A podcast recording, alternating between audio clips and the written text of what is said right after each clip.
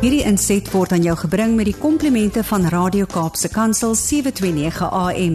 Besoek ons gerus by www.cape pulpit.co.za.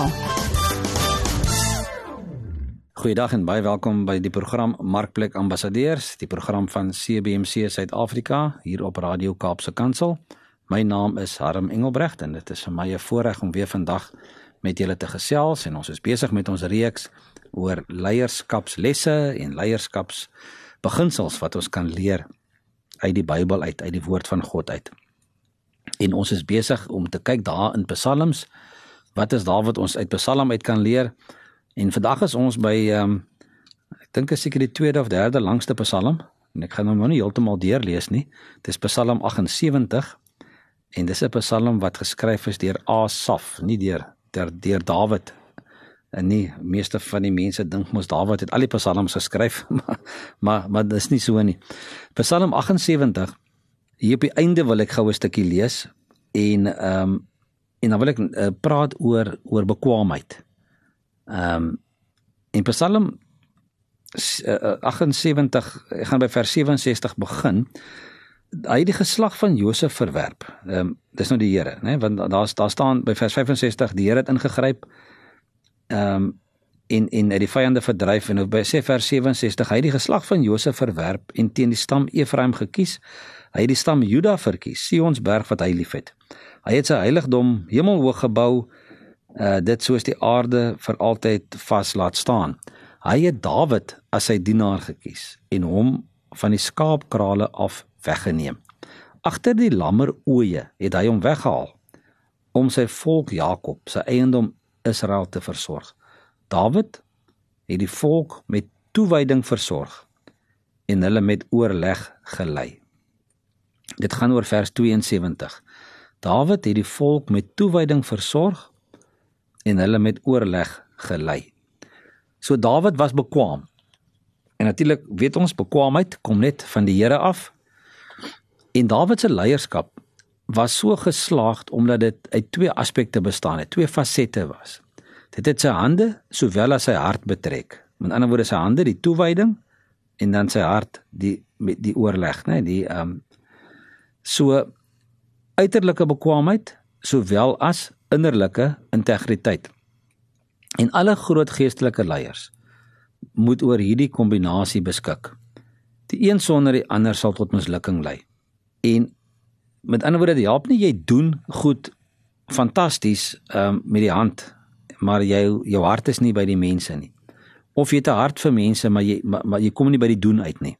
So leiers wat hulle hart en hulle hande bekwam wil maak, moet 'n paar dinge doen. En hier so 'n paar goedjies wat ek gou wil noem. Hulle moet uitnemendheid um op prys stel. Met ander woorde, um kwaliteit. Hulle moet nie met middelmatigheid tevrede wees nie. Die Engelse praat van mediocrity. En ons moet na beter streef, na die beste. Ons moet let op die besonderhede. Met ander woorde, attention to detail. Uh om verbind te bly tot wat werklik saak maak. Um moenie afdwaal en gesaai trek raak nie, né? Bly gefokus op wat moet gedoen word. Um integriteit en etiese waardes moet aan die dag gelê word.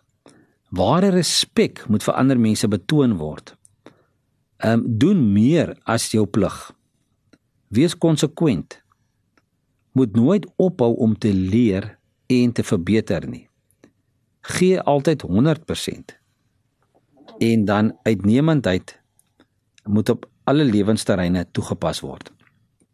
So as jy 'n leier wil wees, wat 'n leier wil wees na God se hart, wat ook die mense onder jou wil wil lei ehm um, met met oorleg en met toewyding wil versorg. Kyk gerus hierna. Is jy bekwam en fokus jy op dit wat belangrik is? Ehm um, en en is hierdie paar dinge wat ek nou genoem het vir jou vir jou belangrik.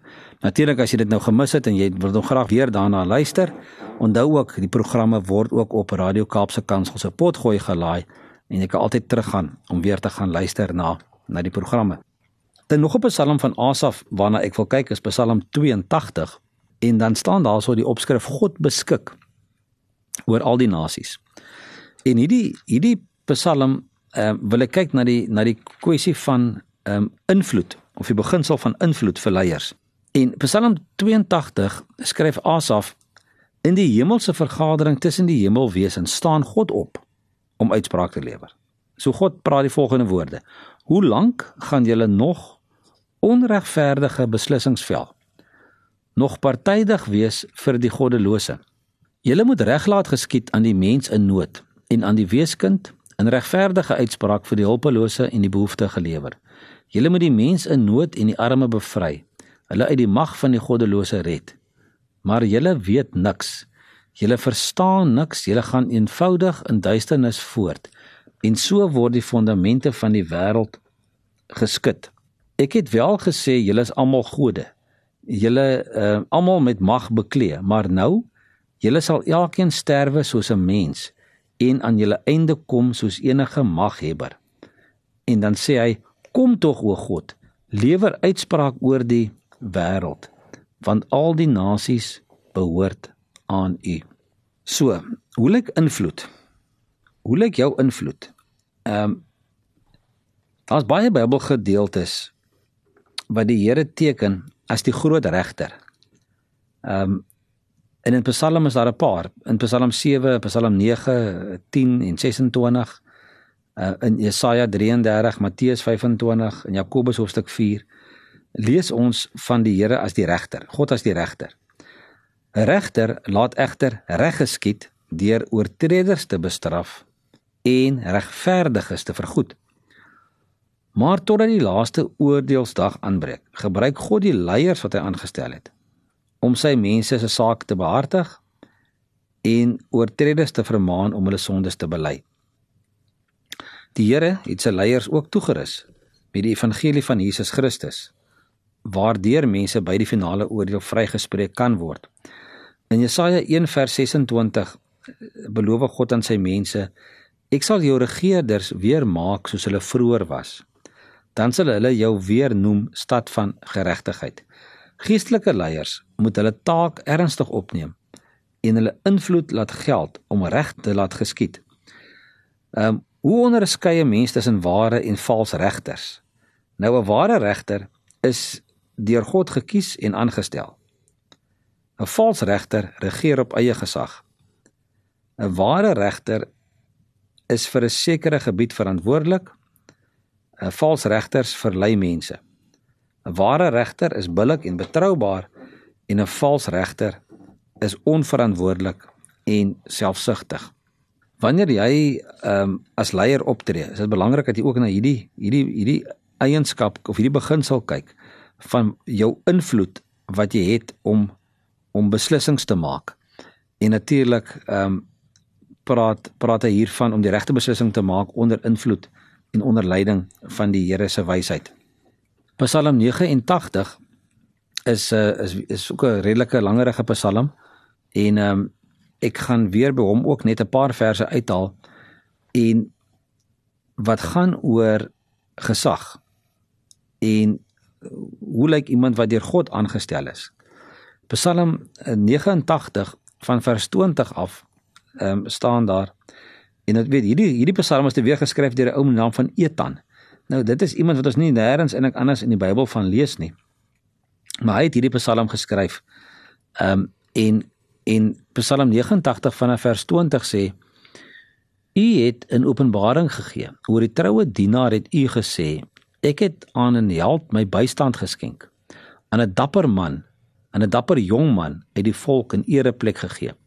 Ek het Dawid as my dienaar uitgesoek, hom met my heilige olie tot koning gesalf.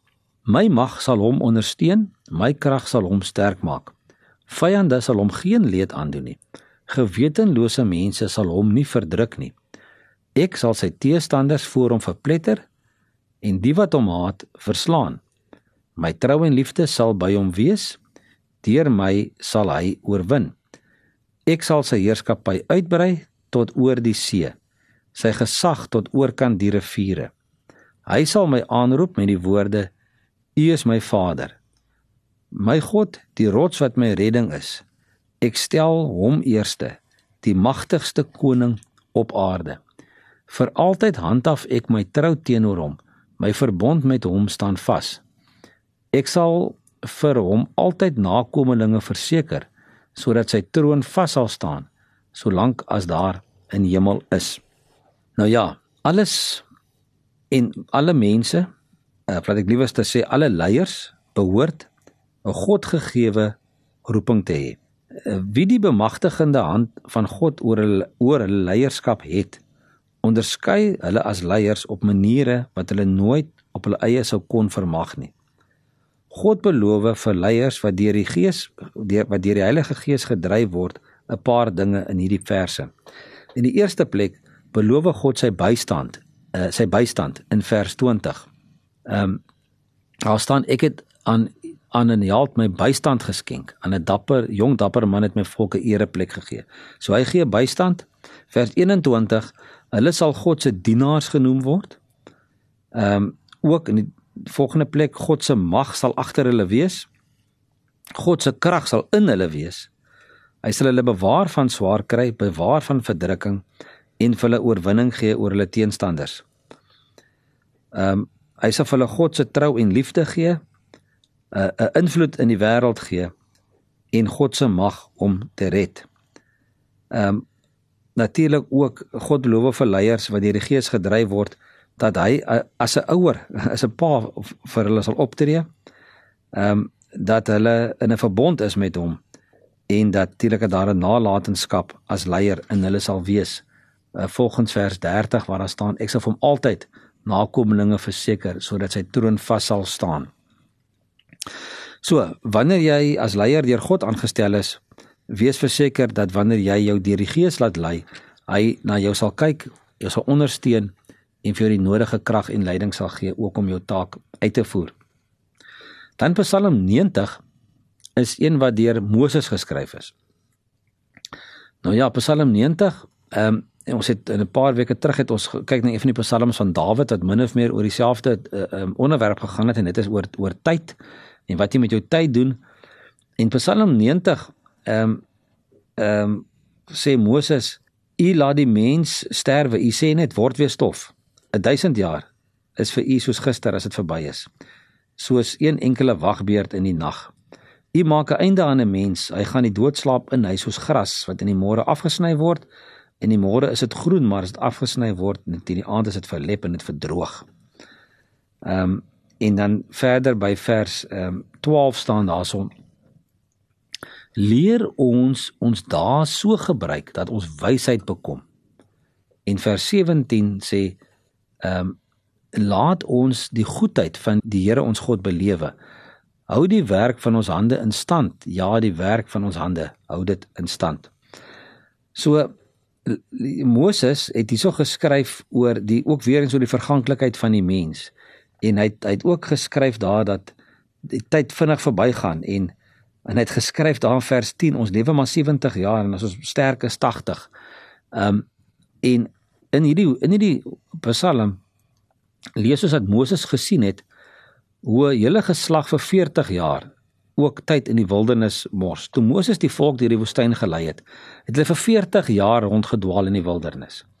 Hy het geglo dat as leiers die bewus sou raak van hoe kort die tyd is wat hulle het, hulle 'n meer sinvolle doel sou nastreef. Hulle sou vervul en tevrede sou kon sterf. Leiers bestee nie sommer net hulle tyd nie. Hulle moet dit benut.